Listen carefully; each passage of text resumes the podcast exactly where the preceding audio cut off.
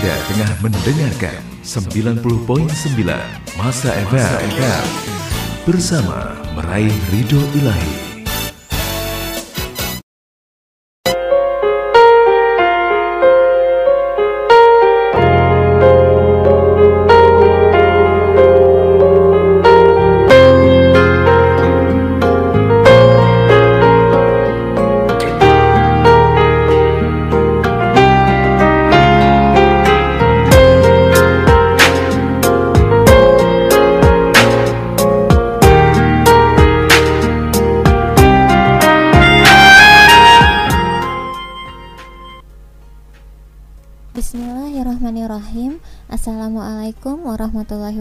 Wabarakatuh Hamdan wa syukran ya Allah Salatan wa salaman ilaika ya Rasulullah.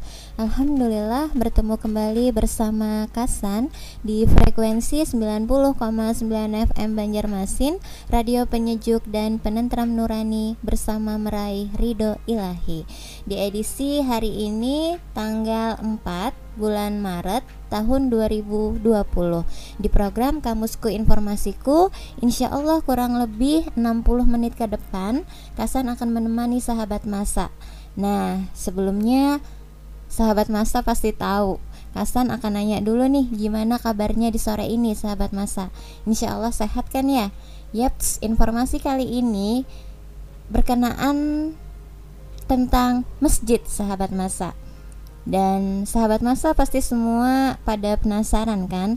Tapi sebelum nyimak lebih dalam lagi info kali ini, Kasan akan break sebentar. Kita dengarkan iklan dan satu buah nasyid sebagai pembukaan dan tetaplah istiqomah di Radio Madinatus Salam, radio penyejuk dan penenteram nurani bersama meraih ridho ilah.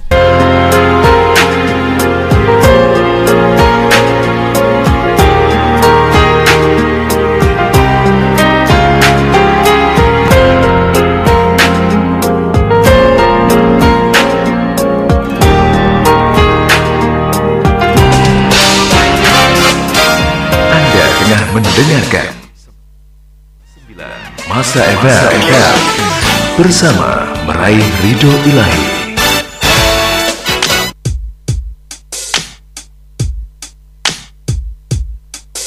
Rahman ya Rahman. Sa'idni ya Rahman. Ishrah sadri Quran Imla qalbi Quran Wasli hayati Quran. Rahman ya Rahman Sa'idni ya Rahman. Ishrah sadri Quran Imla qalbi Quran Wasli hayati Quran. Rahman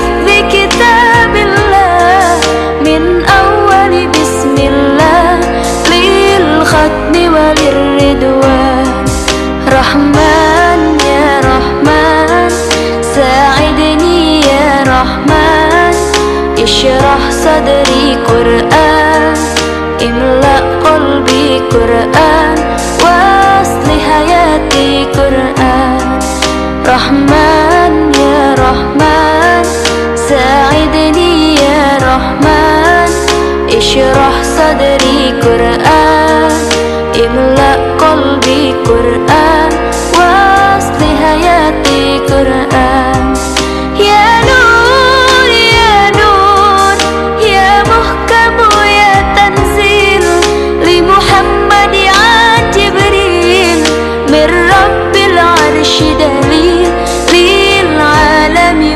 الإنسان. تكبير تكبير للحافظ وهو صغير. وقع العين كرير يميل فجرا لينير بتلاوته الأكوان. رحمن يا رحمن ساعدني يا رحمن. اشرح صدري قرآن. املأ قلبي قرآن واصل حياتي قرآن رحمن يا رحمن ساعدني يا رحمن اشرح صدري قرآن املأ قلبي قرآن واصل حياتي قرآن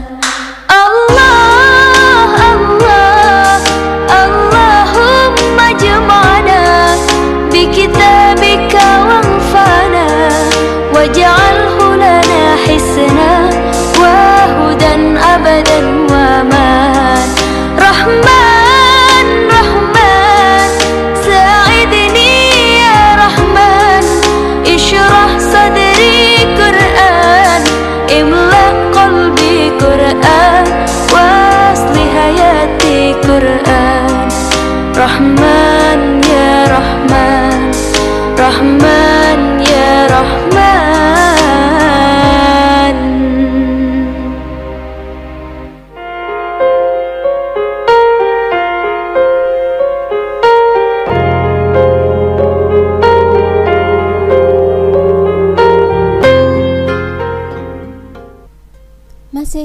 Radio Madinatus Salam 90,9 FM Banjarmasin. Radio spiritual, penyejuk, dan penentram nurani Bersama meraih ridho ilahi. Dan masih bersama Kasan Di program Kamusku Informasiku Hari ini Kasan membahas temanya tentang masjid sahabat masa. Nah ada apakah dengan masjid gitu ya? Sebelum masuk kepada pembahasan yang lebih lanjut Kasan ingin monolog dulu nih gitu. Jadi Kasan pernah ditanya eh, seseorang oleh teman dan saat itu kita lagi pengen sholat. Sholat di jalan sholat juhur tapi kebetulan kita saat itu belum sholat kan. Dan teman akhirnya nanya San kita sholat di masjid mana? Dia bilang gitu Terus Kasan bingung kan mau sholat di mana karena ada kepentingan lagi jadi inginnya di rumah aja saat itu. Lalu kemudian temen nyeletuk gitu kenapa nggak di masjid aja sih kan kita ngelewatin masjid dia bilang seperti itu. Terus Kasan bilang tapi aku pengennya di rumah.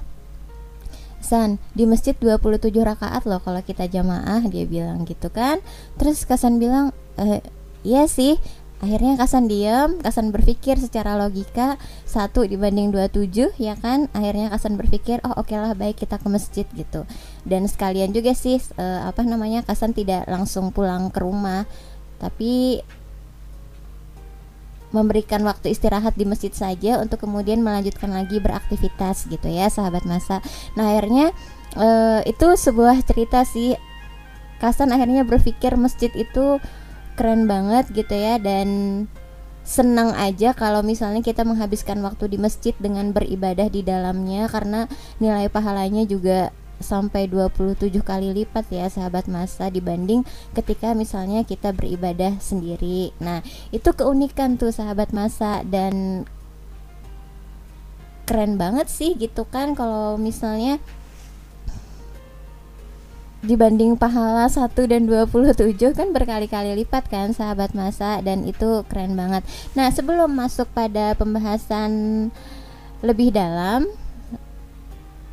kenapa nih eh, ada apa dengan masjid sampai Kasan harus membahas tema masjid untuk edisi hari ini sahabat masa. Nah, sahabat masa sebelum Kasan melanjutkan lagi eh, Kasan berdoa supaya para pendengar di mana pun berada Semoga semuanya dimudahkan oleh Allah dalam melakukan aktivitas apa pun itu Bagi yang sekolah atau bagi yang kuliah Apa pun tugasnya Semoga semua dilancarkan oleh Allah. Kemudian bagi yang bekerja di kantor atau ataupun di dalam ruangan ataupun outdoor gitu ya Semuanya juga baik-baik saja walaupun tadi sekitar siang-siang gitu ya sahabat masa kita diguyur hujan. Jadi kota kita di Banjarmasin ini diguyur hujan, tapi itu tidak melemahkan semangat kita untuk mencari rezeki yang Allah titipkan di bumi ini gitu. Nah, sahabat masa seperti yang uh, kita dan sahabat masa ketahui semua, masjid itu adalah sebuah tempat peribadatan umat muslim sahabat masa yang tentunya sangat diagungkan seperti tempat peribadatan umat lain ya kan. Nah, sebagai tempat dan bangunan yang suci tentunya masjid juga memiliki cerita sejarah nih dan nilai keindahannya masing-masing. Berbicara tentang keindahannya, Kasan tadi sudah janji ya kan, ada 11 masjid berikut uh, apa namanya kemegahannya berikut dengan kemewahannya ya kan yang ada tersebar di berbagai negara di dunia gitu. Dan Kasan akan memberikan penjelasannya langsung masjid apa aja sih? gitu kan yang paling besar mewah uh, amazing gitu kan dan luar biasa banget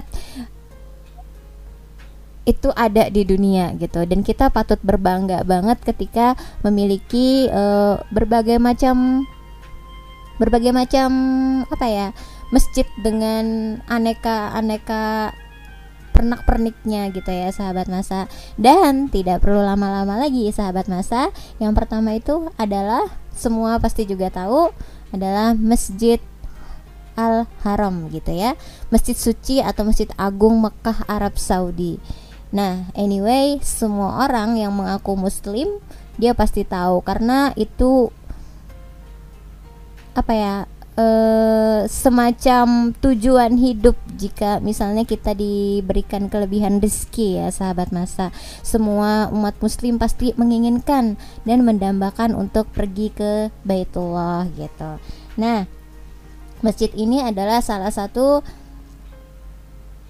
terbesar di dunia dan indah juga nih gitu kan di kota Mekah, Arab Saudi, Masjid Haram itu memang merupakan masjid yang paling utama dan terbesar di dunia ini.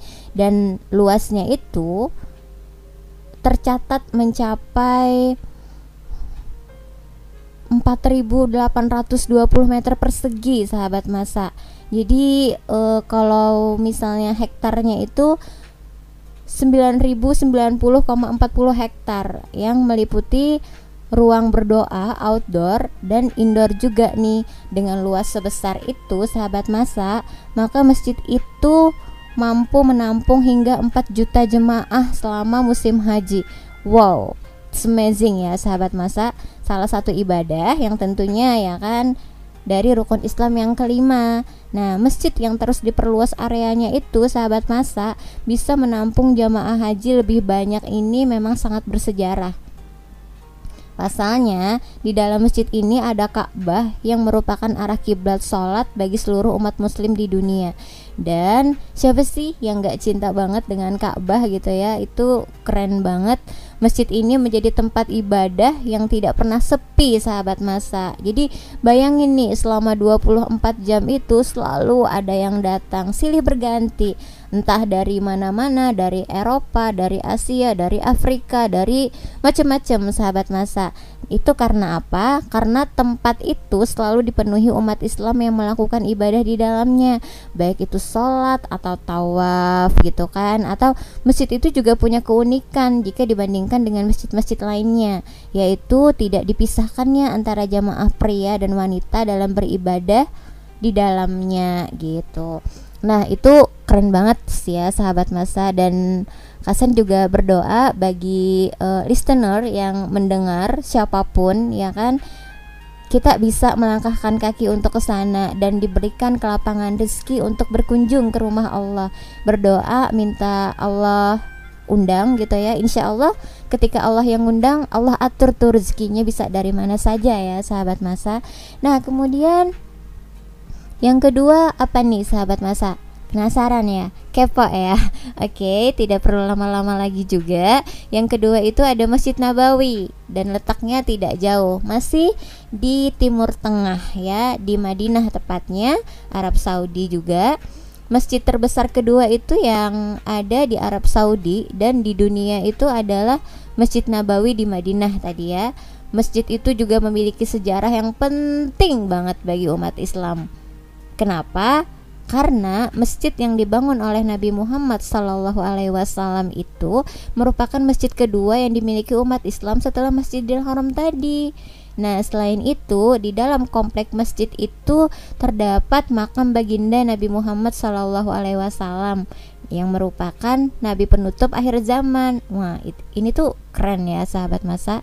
Setelah ekspansi pada masa pemerintahan Al-Walid I dan juga sekarang menggabungkan lokasi tempat peristirahatan terakhir dari Nabi Muhammad tersebut dan para pemimpin muslim awal Abu Bakar dan Umar bin Khattab. Jadi ketika misalnya mau mau apa namanya berziarah gitu ya ke Madinah nggak tanggung-tanggung sahabat masa jadi kita tidak hanya bisa berziarah ke makamnya Rasulullah Shallallahu Alaihi Wasallam tapi kita juga bisa sekalian sekalian ke makamnya eh, sahabat-sahabat Nabi. Semisal Abu Bakar dan Umar bin Khattab. Aduh masya Allah. Itu gimana ya? Kita kalau misalnya ingat sahabat Nabi, ingat perjuangan mereka, apalagi ingat Umar bin Khattab dengan kepemimpinannya, dengan ketegasannya, ingat dengan Abu Bakar, ingat dengan kelembutannya, ingat dengan kedermawanannya, itu masya Allah ya sahabat masa. Saya jadi apa ya terharu dan teringat kembali dengan masa-masa sejarah Rasulullah sahabat masa. Nah, oke okay, sahabat masa, yang ketiga apa? Yang ketiga itu adalah Masjid Al-Aqsa, itu di Palestina. Masya Allah, sebelum kita ngebahas tentang Palestina, Kasan juga berharap kepada para pendengar semua, kita akan terus berdoa untuk kebaikan mereka di sana. Mereka memperjuangkan uh, nasib-nasib umat muslim di seluruh dunia gitu ya. Dan setiap kita sholat Kasan bermohon kepada Allah siapa pun itu semoga dibukakan hatinya untuk senantiasa mendoakan saudara-saudara kita di sana gitu. Dan apa namanya? Uh, lanjut kepada pembahasan uh, masjid ketiga gitu kan setelah dari Arab Saudi kita bergeser sedikit nih ke Palestina atau tepatnya di wilayah kota lama Yerusalem. Nah, di daerah itu sahabat masa ada sebuah masjid agung yang menjadi tempat atau situs suci ya situs suci nomor tiga bagi umat Islam setelah Masjid Al-Haram dan Masjid Nabawi tadi. Kenapa? Karena dikarenakan masjid yang bisa menampung jamaah hingga 5000 orang di dalam ruangan itu diyakini sebagai tempat terjadinya peristiwa Isra Mi'raj Nabi Muhammad sallallahu alaihi wasallam.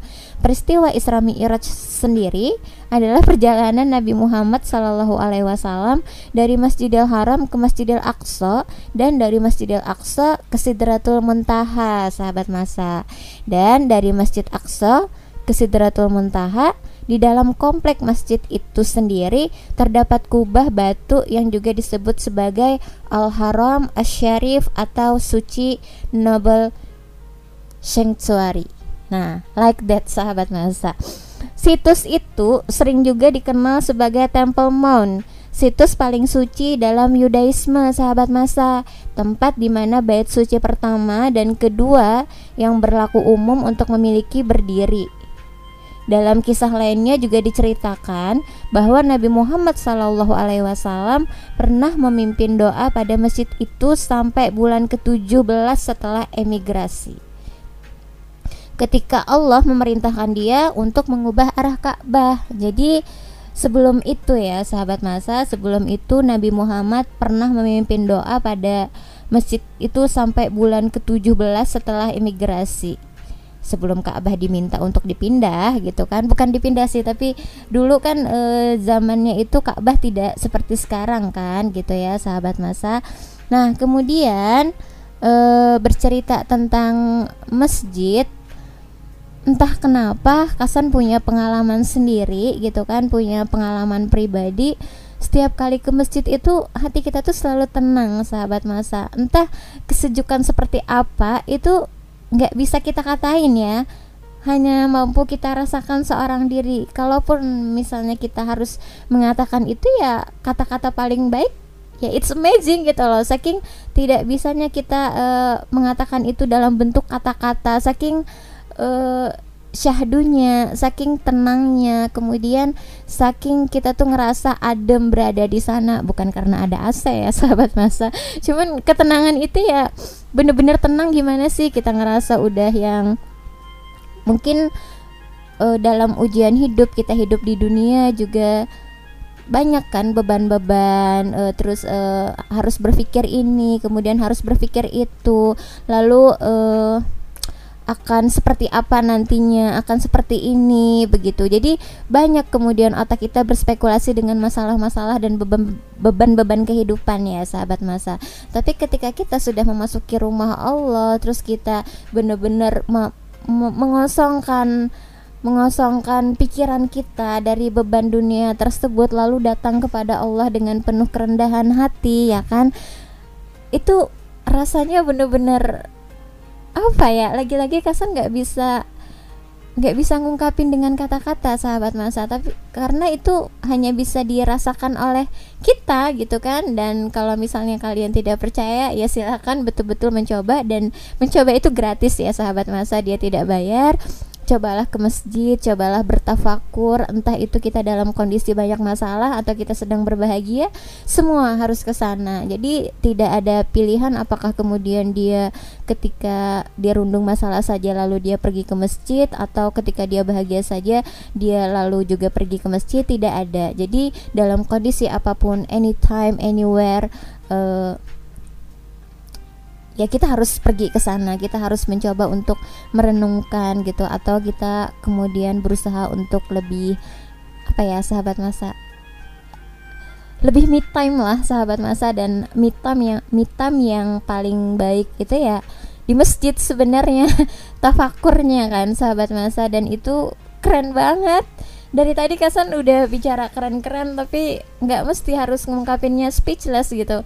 Mau diungkapin dengan kata-kata yang seperti apa? Karena ya itu tadi uh, you have to try gitu kan. Jadi kita harus mencobanya. Siapa pun itu sahabat masa pendengar masa di mana pun cobalah untuk uh, itikaf boleh ya kan? Kemudian tafakur macam-macamnya.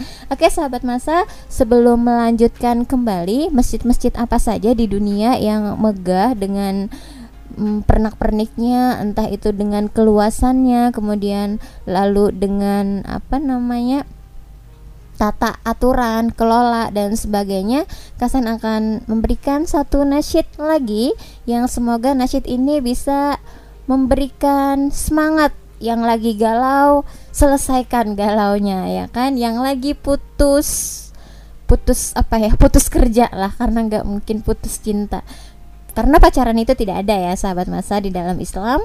Pacaran itu tidak ada di dalam Islam. Kalau misalnya ingin membina satu hubungan maka lakukan proses ta'aruf gitu ya. Masya Allah. Oke jadi e, bagi siapa pun yang tadi yang putus putus dari kerjaan misalnya maka ke masjid lah.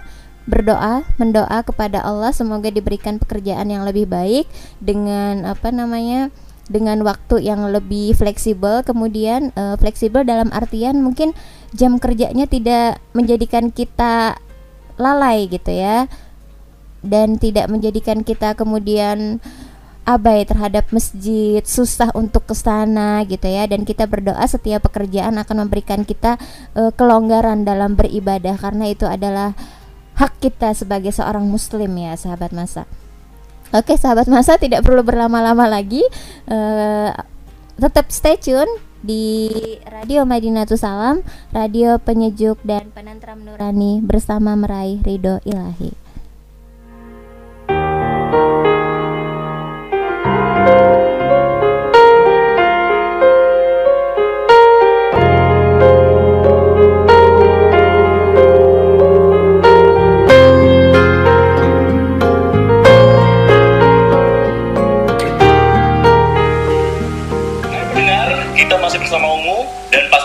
Semangat ya. Untuk lagu terakhir, Ungu akan membawakan secara live single religi terbaru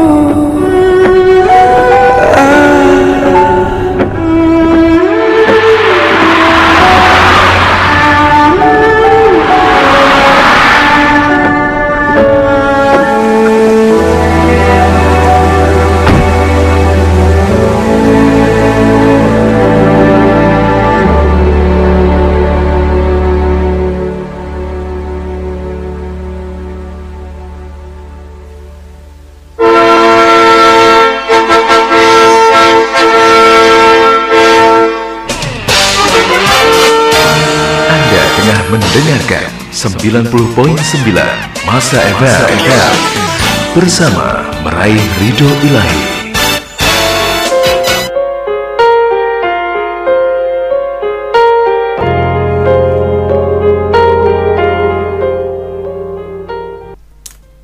Masih di Radio Madinatus Salam 90,9 FM Banjarmasin.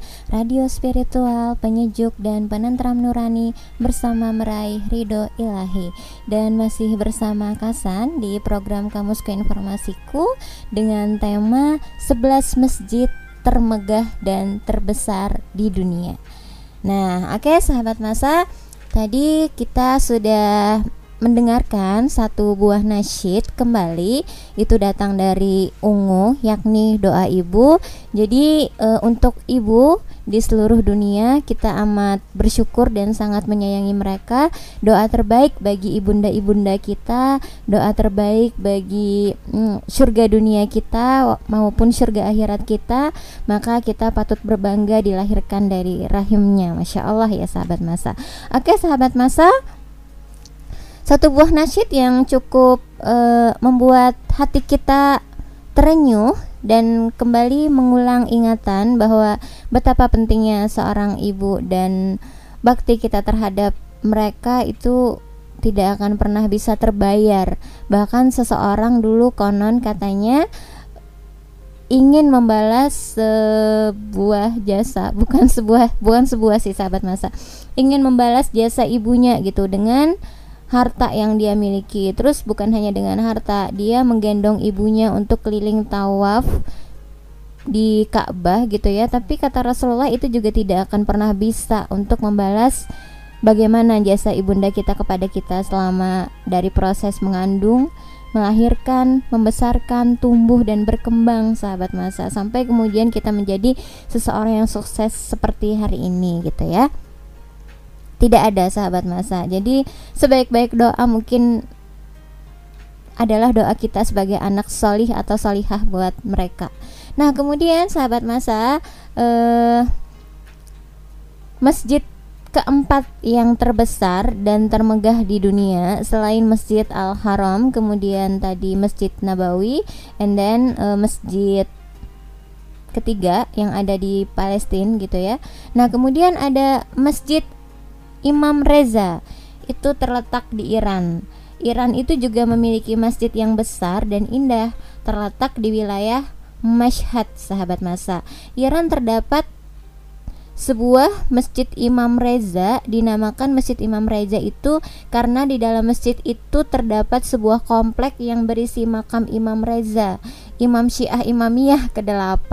Jadi eh, kita ketahui memang di Iran itu memang lebih mayoritas penganut Islam Syiah. Tapi kalau Syiah bukan Islam ya sahabat masa. Oke lah itulah ya. Nah dari segi dimensi dan kapasitas masjid itu memang menjadi salah satu masjid yang terbesar di dunia sahabat masa. Karena luasnya nggak main-main sahabat masa ya kan? Luas sekali masya Allah. Pokoknya uh, luasnya sampai 2607 79 meter persegi serta tujuh halaman yang mengelilingi mencakup area itu yang luas banget sahabat masa.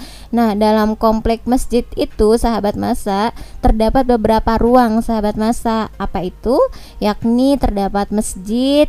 Masjid itu namanya Masjid Gohar Shed Kemudian terdapat museum juga, ya kan? Lalu terdapat perpustakaan. Wah, ini keren sih. Keren banget.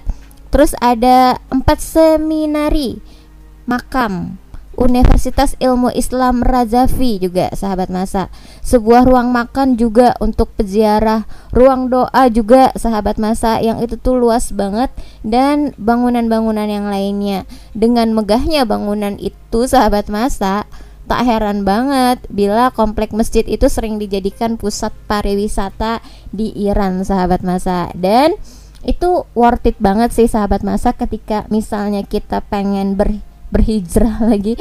Ketika misalnya kita pengen berziarah gitu ya karena ziarah dan hijrah mungkin sepupuan kali ya sahabat masa. Kata-katanya hampir mirip gitu ya dan ketika misalnya kita memang mau berhijrah itu worth it banget sahabat masa karena di sana ada museum karena di sana ada perpustakaan karena di sana ada juga tempat ruang makan. Itu include banget sahabat masa di mana ketika misalnya kita pengen berwisata gitu ya ya kita pasti menginginkan hal-hal di atas ya kan? Kadangkala misalnya kita pengen baca buku terus kita lapar habis keliling-keliling ya kan? Kemudian eh, apa namanya di sana juga ada museum yang di mana kita bisa melihat sejarah-sejarah, sejarah-sejarah kebendaan, sejarah-sejarah macam-macam sahabat masa. Dan yang pasti kita ketahui bahwa bangsa yang besar itu adalah bangsa yang menghargai sejarah ya kan. Nah, sahabat masa itu worth it banget ya karena uh, Kasan juga orang yang suka jalan-jalan sih sebenarnya sahabat masa. Ya jalan-jalannya bukan uh, ya pengen memperbanyak pengalaman aja sih sebenarnya gitu ya dengan melihat berbagai macam uh, berbagai macam fakta berbagai macam apa ya berbagai macam pernak-pernik dunia lah sahabat. Masa otomatis kan kita jadi lebih pengen tahu lagi gimana gimananya dan ketika kita tahu semua itu indah banget ya pasti kita berucap masya Allah kan dengan keindahannya gitu. Jadi tidak sekedar mengagungi keindahannya saja tapi kita lebih kepada uh, meres meresapi bahwa ada sesuatu di balik ini, ada yang menciptakan di balik ini dan tentunya uh, Allah segala sesuatunya ya sahabat masa dan akhirnya kita kembali lagi kembali untuk merefresh iman kita agar uh, tetap taat, bertambah taat gitu ya sahabat masa. Nah, sahabat masa yang yang poin sebenarnya yang paling ditekankan itu adalah jangan sampai ketika misalnya kita berwisata kita lalai terhadap ibadah ya sahabat masa. Jadi masjid di Iran ini keren banget sih. Jadi kita berwisata tapi kita tidak lupa pada orang yang memberikan eh bukan orang pada zat yang memberikan kita kesempatan untuk berwisata tersebut yakni Allah Subhanahu wa taala gitu ya sahabat masa. Nah, kemudian sahabat masa karena pengalaman juga nih e, sama teman-teman gak usah disebutin lah ya siapa namanya. Nah, jadi kesan punya pengalaman kita jalan-jalan tapi dianya lalai ibadah saking asiknya jalan-jalan sahabat masa saking enjoynya dia nikmatin uh, apa namanya alam kemudian dia experience-nya dapat banget tapi akhirnya dia lalai terhadap ibadah. Nah kita nggak tidak ingin seperti itu ya sahabat masa. Jadi semoga di mana pun kita melakukan uh, perjalanan trip atau apa pun itu namanya gitu ya maka diharapkan aturan Allah akan terus uh, kita bawa gitu. Nah kemudian yang kelima sahabat masa. Yang kelima itu ada Masjid Faisal. Uh, Masjid Faisal. Jadi yang bernama Faisal patut berbangga nih, masya Allah ya. Oke, jadi ada Masjid Faisal itu letaknya di Pakistan, sahabat masa. Itu keren banget sih. Kasan pernah uh, searching di Google. Itu keren banget uh, masjidnya. Sebagai, nah sahabat masa, sebagai salah satu masjid terbesar di Pakistan, Tentu aja nih Masjid Faisal sangat dipandang dan diperhatikan. Semua orang matanya tertuju ke Faisal. Bukan Faisal orang tapi ke masjidnya ya sahabat masa. Bahkan sahabat masa saking besarnya tuh masjid Masjid yang terletak di ibu kota nasional Islamabad itu menjadi masjid terbesar di Asia Selatan. Wow keren banget ya jadi e, setelah selesai dibangun pada tahun 1986, Masjid Faisal itu kemudian dipahami sebagai Masjid Nasional Pakistan dan dinamai almarhum Raja Faisal bin Abdul Aziz dari Arab Saudi yang mendukung dan membiayai proyek itu, sahabat masa. Jadi masjid itu dibiayai oleh almarhum ya oleh raja Raja Faisal. Makanya nama masjidnya Faisal. Nanti kalau misalnya saya punya rezeki insya Allah namanya masjid namanya Masjid Hasanah. Bagus nggak sahabat masa? Nggak ya? Nggak nggak nggak. Uh, it's joking sahabat masa. Oke okay, sahabat masa. Kemudian yang keenam uh, yang keenam Masjid Bad Syahi kalau tidak salah. Apa itu? Itu dia terletak di Lahore sama masih di seputaran Pakistan, sahabat masa. Jadi masjid itu adalah masjid terbesar kedua tuh di Pakistan, bernama Masjid Batsahi di Lahore mempunyai keindahan, semangat dan keagungan era Mughal. Dari sini maka dari situ maksudnya bukan dari sini ya. Dari masjid itu sahabat masa. Oke dari masjid itu Badashi itu selalu menjadi daya tarik wisatawan. Nah, masjid yang mampu menampung hingga 10.000 jamaah di ruang utama dan 100.000 jamaah di halaman itu tetap menjadi masjid terbesar kedua di Pakistan dan di Asia Selatan. Jadi, ini bukan termasuk di Eropa ya, tapi masjidnya ada di bagian Asia Selatan, sahabat masa. Bukan juga di daerah Timur Tengah, bukan. Jadi, yang ke tujuh sekarang yang ketujuh ya, sahabat masa catat. Kalau perlu ambil bukunya, kemudian eh, ambil pulpennya juga, lalu catat ya kan. 11 ini apa aja sih gitu. Jadi ya siapa tahu eh, apa namanya kita akan berjalan-berjalan ke sana ya kan. Nah, kita tidak pernah tahu kehidupan di masa depan seperti apa. Yang penting kita tidak berputus asa dalam bermimpi karena bermimpi itu juga tidak bayar sahabat masa gitu kan? Asal mimpinya yang baik-baik ya. Oke sahabat masa. Yang ketujuh itu adalah Masjid Hasan di Maroko sahabat masa. Nah Masjid Hasan II itu adanya di Maroko. Masjid itu tuh besar banget terindah dan itu tidak berada di kawasan Timur Tengah dan Asia sahabat masa. Namun di mana? Ayo tebak Oke, okay, masjid ini ada di Afrika, sahabat masa, di sebuah masjid yang sangat besar dan indah. Masjid itu dinamakan dengan Masjid Hasan II. Nama Kasan? Oh, bukan. Jadi, masjid yang terletak di wilayah Casablanca itu adalah masjid terbesar di negara Maroko dan terbesar ketujuh di dunia, sahabat masa. Masjid itu sendiri selesai dibangun oleh susah banget ya sahabat masa namanya ya. Namanya itu kalau tidak salah Boy Gues. Jadi itu dibangun Boy Gues tahun 1993 dengan perancang bernama Michel Pincel Ya, sahabat masa, masjid itu sangat menarik, sahabat masa, karena selain memiliki menara masjid tertinggi di dunia, yaitu 210 meter, 689 kaki, sahabat masa. Wow, itu tinggi banget ya. Tinggi banget, sahabat masa. Masjid itu juga memiliki pemandangan luar biasa ke Samudra Atlantik, Atlantik, Atlantik lagi. Sorry to say jadi uh, masjid itu memiliki pemandangan luar ke Samudra Atlantik yang begitu indah. Jadi kita udah pasti tahu kan gimana sih pemandangan view-nya kalau misalnya di daerah Samudra Atlantik itu. Itu masya Allah banget sih sahabat masa. Keren banget. Kayak pernah aja ya kasan enggak. Tapi kan info dari teman-teman kan sahabat masa. Itu gunanya diskusi. Jadi kita lebih tahu lah ya gitu. Nah kemudian sahabat masa yang kedelapan apa nih yang kedelapan, wah ini pasti kalian udah pada sebagian ke sana ya, sebagian ke sana pasti udah sebagian menikmati juga keindahannya, keluasannya dan macam-macamnya. Jadi yang kedelapan itu tercatat 11 negara termegah dan terbesar di dunia termasuk Istiqlal sahabat masa. Istiqlal ada di Indonesia, tempat tinggal kita sekarang ya sahabat masa. Nah, negara kita Indonesia kan tadi sudah Kasan jelaskan memiliki sebuah masjid yang patut dibanggakan yakni Istiqlal sahabat masa. Masjid Istiqlal itu memiliki menara yang tinggi dan indah serta menjadi masjid terbesar se-Asia Tenggara sahabat masa. Masjid yang bernama lengkapnya nih Masjid Istiqlal ini berlokasi di kota Jakarta dan dibangun untuk memperingati kemerdekaan Indonesia. Nama Istiqlal sendiri itu ada yang tahu nggak sih sahabat masa dari mana gitu? Gak ada ya? Ada.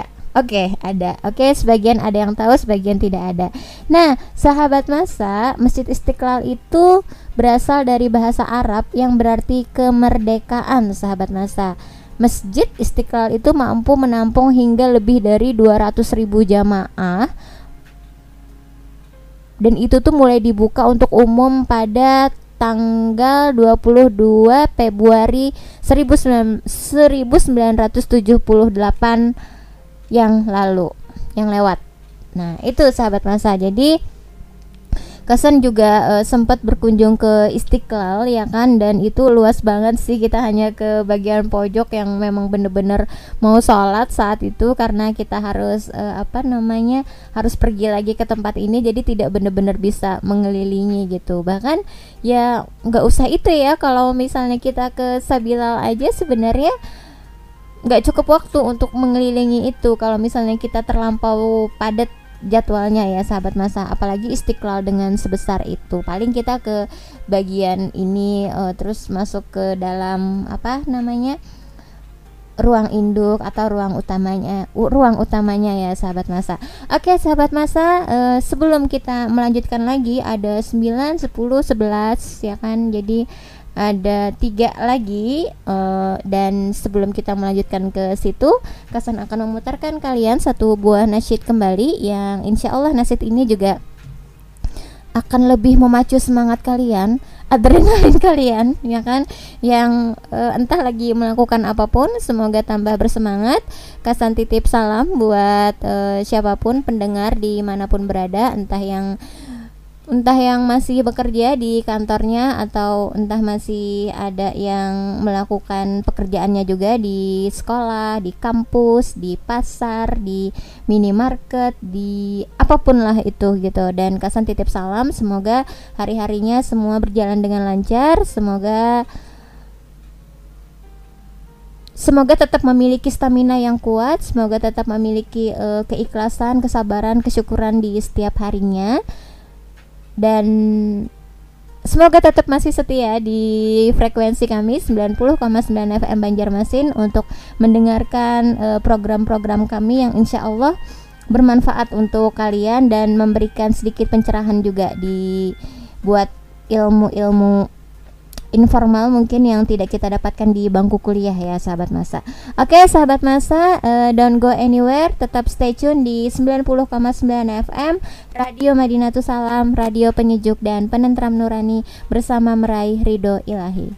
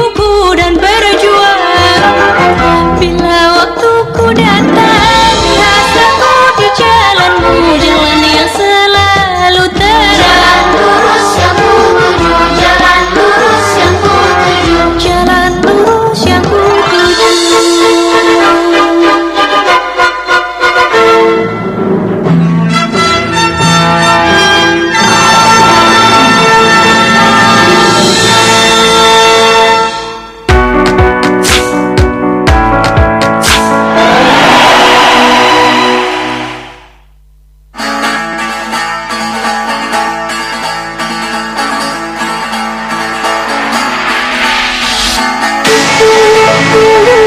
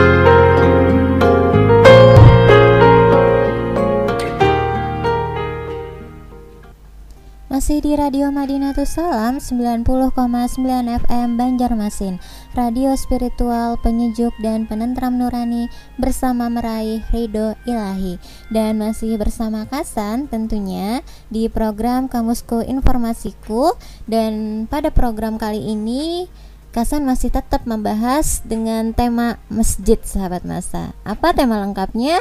Masjid terbesar dan termegah di dunia. Dan itu ada berapa? 11 ya sahabat masa. Semoga sahabat masa belum lupa bahwa ada 11 masjid terbesar dan termegah di dunia Yang merupakan bangunan paling indah sahabat masa. Dan kita sebagai umat muslim patut berbangga mempunyai masjid yang megah dan besar. Tapi sebenarnya bicara masalah besar dan megah Yang patut kita banggakan selain hanya dua itu adalah ketika uh, makmumnya banyak di dalam masjid itu ya sahabat masa. Oke sahabat masa sebelum Kasan membahas ada 9, 10 dan 11 lagi gitu ya. Jadi ada tiga lagi gitu. Kasan teringat kata-kata Buya Hamka sahabat masa. Jadi Buya Hamka pernah bertutur dalam sebuah kalimatnya Dan itu masih relevan dengan bahasan kita hari ini Yakni tentang masjid Bahwa Buya Hamka bertutur Jika ingin melihat Jika ingin melihat Muslim gitu kan? E, Jika ingin melihat orang Islam maka lihatlah ketika sholat ke Idul Fitri, sholat ke Idul Fitri, sholat Idul Fitri lah sahabat masa. Dan itulah orang Islam.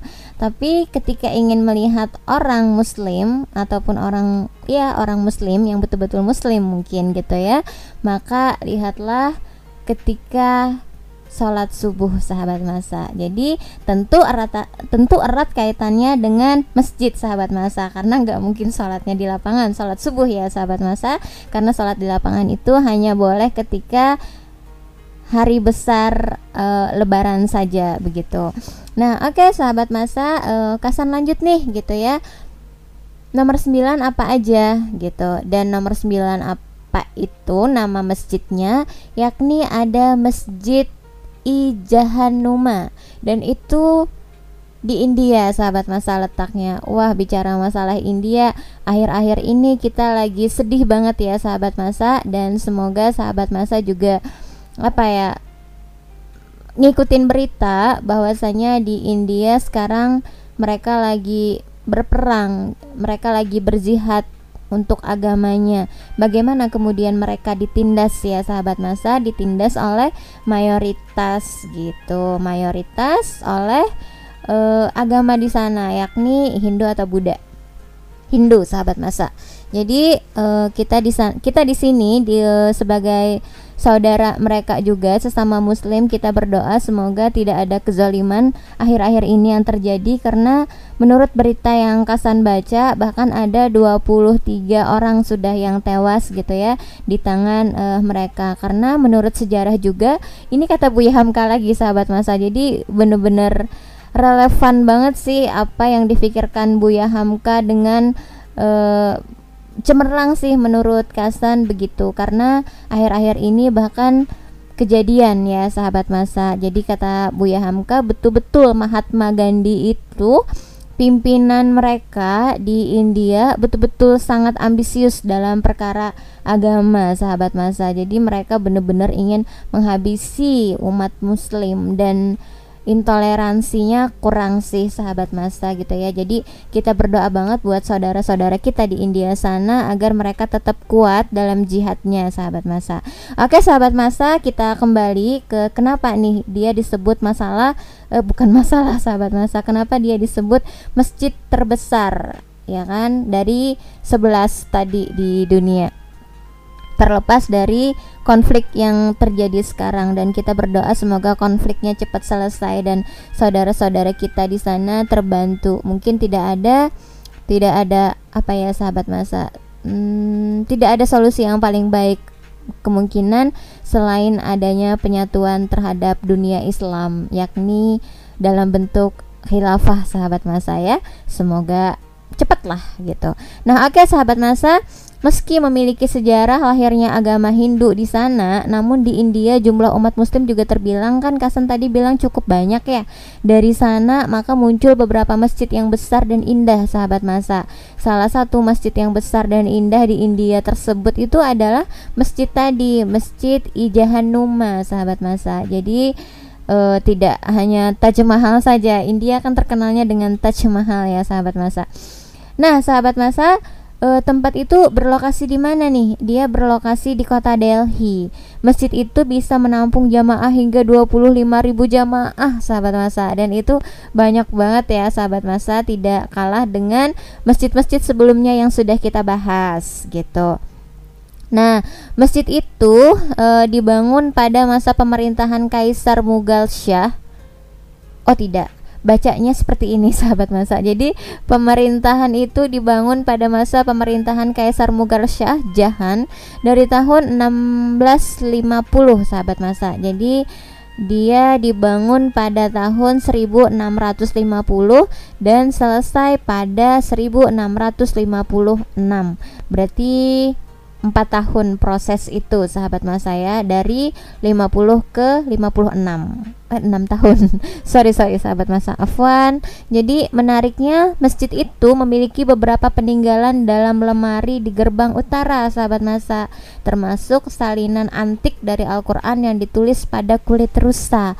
Oh Masya Allah keren banget ya sahabat masa jadi ada Al-Quran yang ditulis pada kulit rusa kalau dulu kan mushaf-mushaf itu ditulisnya di daun kemudian dikumpulkan ya kan tapi di India ada loh yang kemudian e, salinan antik dari Al-Quran itu ditulis pada kulit rusa Masya Allah ya kan Oke sahabat masa, kemudian yang ke-10 apa? Itu ada Baitul Mukarram. Nah, itu di Bangladesh sahabat masa. Masjid Nasional Bangladesh yaitu Baitul Mukarram itu juga perlu diperhitungkan sahabat masa sebagai apa? Sebagai masjid besar dan indah gitu. Nah, masjid yang didirikan itu pada tahun 1960-an memiliki kapasitas 30.000 jamaah. Jadi kalau misalnya di India tadi ada menampung sampai 25.000 jamaah, kalau yang di sini 30.000 jamaah 5.000 lebih banyak sahabat masa. 5.000 lebih besar kapasitasnya daripada masjid di India tadi. Karena masjid itu terus penuh sesak dengan jamaah terutama pada bulan suci Ramadan. Aduh ngomong-ngomong masalah Ramadan kangen eh. Jadi udah apa ya kita paling sekitar dua bulan atau dua bulan setengah ya sahabat masa kita akan memasuki bulan suci tersebut lagi insya Allah ya sahabat masa Nah, sahabat masa uh, karena dia terus di terus uh, mengalami sesak, bukan sesak nafas tapi sesak dengan jamaah, maka pemerintah di Bangladesh pun harus melakukan penambahan luas area tersebut sahabat masa hingga ke bagian ekstensi masjid. Nah, dari situ maka kapasitas masjid itu pun jadi berubah sahabat masa. Yang dulu awalnya kapasitasnya 30.000, sekarang malah menjadi 40.000 jamaah. Masya Allah, semoga akan terus bertambah bertambah bertambah ya sahabat masa. Kita berdoa semoga di sana juga semakin banyak yang memeluk dan menjadi muslim sehingga kita lebih banyak saudaranya ya dan enak berkumpul di surga insya Allah. Nah, kemudian sahabat masa yang terakhir nih, the last what? Jadi sebelasnya itu ada Masjid Agung Sultan Kabos, sahabat masa. Itu adanya di Oman, sahabat masa. Dan masjidnya cantik banget, sahabat masa. Jadi seperti warna putih-putih, putih kan melambangkan kemurnian, kesucian ya, sahabat masa dan nice banget dipandangnya gitu. Nah, masjid terbesar dan terindah di dunia dan agung itu ya Masjid Kabos di Oman tadi, sahabat masa. Masjid itu lahir dari sebuah kompetisi, sahabat masa. Dan mulai dibangun itu tahun 1995 dengan menggunakan konstruksi Boucher. Nah, sahabat masa, pembangunan itu sendiri dilakukan oleh tim Karelion Alawi LLC selama enam tahun 4 bulan. Jadi kalau misalnya di India tadi di Delhi tadi pembangunan masjidnya itu 6 tahun ya.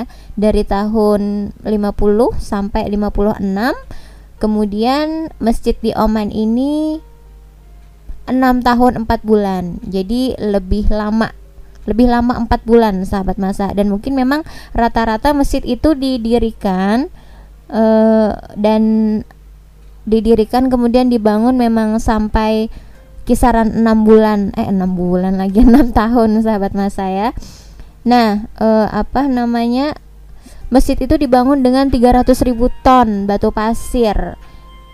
Batu pasir itu yang dari India ya sahabat masa. Dan ia memiliki ruang utama yakni tempat sholat sahabat mas saya dengan dimensi 74,4 kali 74,4 meter sahabat masa lumayan juga ya dengan kubah pusat naik hingga ketinggian 50 meter di atas lantai. Lumayan sahabat masa lumayan tinggi lah. Nah kubah dan menara utama masjid Sultan Kabos itu memiliki ketinggian 90 meter. Tinggi sahabat masa oke okay, nah itu tinggi. Selain itu juga terdapat empat menara mengapit dengan tinggi 45,5 meter sahabat masa. Nah keren banget ya sahabat masa. Itu tadi uh, eh, 11 masjid terbesar dan termegah di dunia. Dan uh, as a muslim kita harus berbangga banget menjadi seorang muslim di mana uh, setiap negara itu pasti ada masjidnya. Setiap negara uh, dengan berbagai macam keindahan, keunikan, budaya, sejarah macam-macamnya gitu ya sahabat masa. Nah, melihat kebesaran dan keindahan 11 masjid di atas membuktikan banget sahabat masa bahwa imajinasi dan teknologi dapat menjadi sebuah mahakarya yang indah jika berada di tangan yang tepat yakni di tangan orang beriman sahabat masa. Untuk itu sahabat masa sudah sepatutnya kita menjaga dengan baik agar dapat dinikmati oleh anak cucu kita kelak nih, generasi-generasi di bawah kita sahabat masa. Nah, oke okay, sahabat masa, sebelum uh, bukan sebelum sih, sebelum iya tapi benar sebelum Kasan menutup karena ini juga sudah memasuki uh, waktu yang sudah ditetapkan karena jam 18 Wita Kasan harus menyelesaikan tugas Kasan untuk siaran. Nah, Kasan akan memberikan kalian satu buah nasyid lagi gitu ya dan semoga nasyid ini juga akan tetap menambah semangat kita di sore hari ini. Yang mungkin lagi siap-siap untuk pulang dari kantor ya kan? Atau sudah pulang juga dan sebelum mandi rebahan dulu dan mengikuti apa uh, frekuensi kita di sini 90,9 FM sayang banget kita udah mau selesai tapi nanti malam ada teman-teman lagi yang siaran ya sahabat masa. Oke sahabat masa, don't go anywhere, tetap stay tune di 90,9 FM Radio Madinatus Salam, radio penyejuk dan penentram nurani bersama meraih ridho ilahi.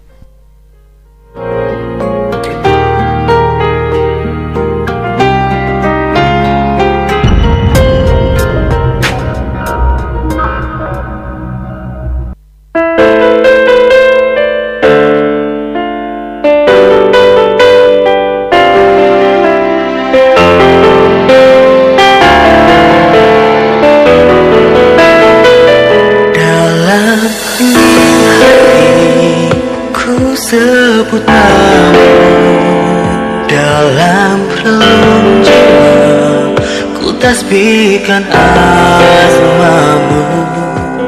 Sentuh-sentuh hatiku getar-getar di dada dalam nada rindu.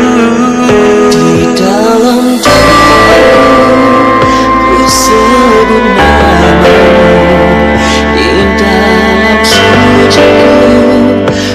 dalam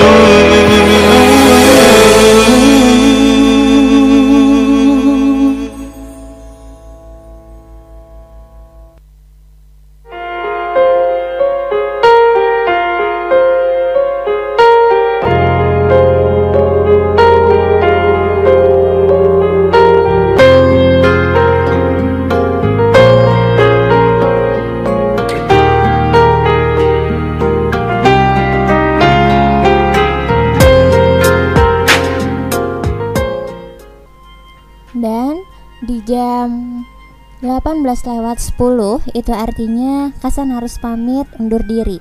Tapi sebelum pamit Kasan akan simpulkan tema hari ini tentang kemegahan dan keindahan masjid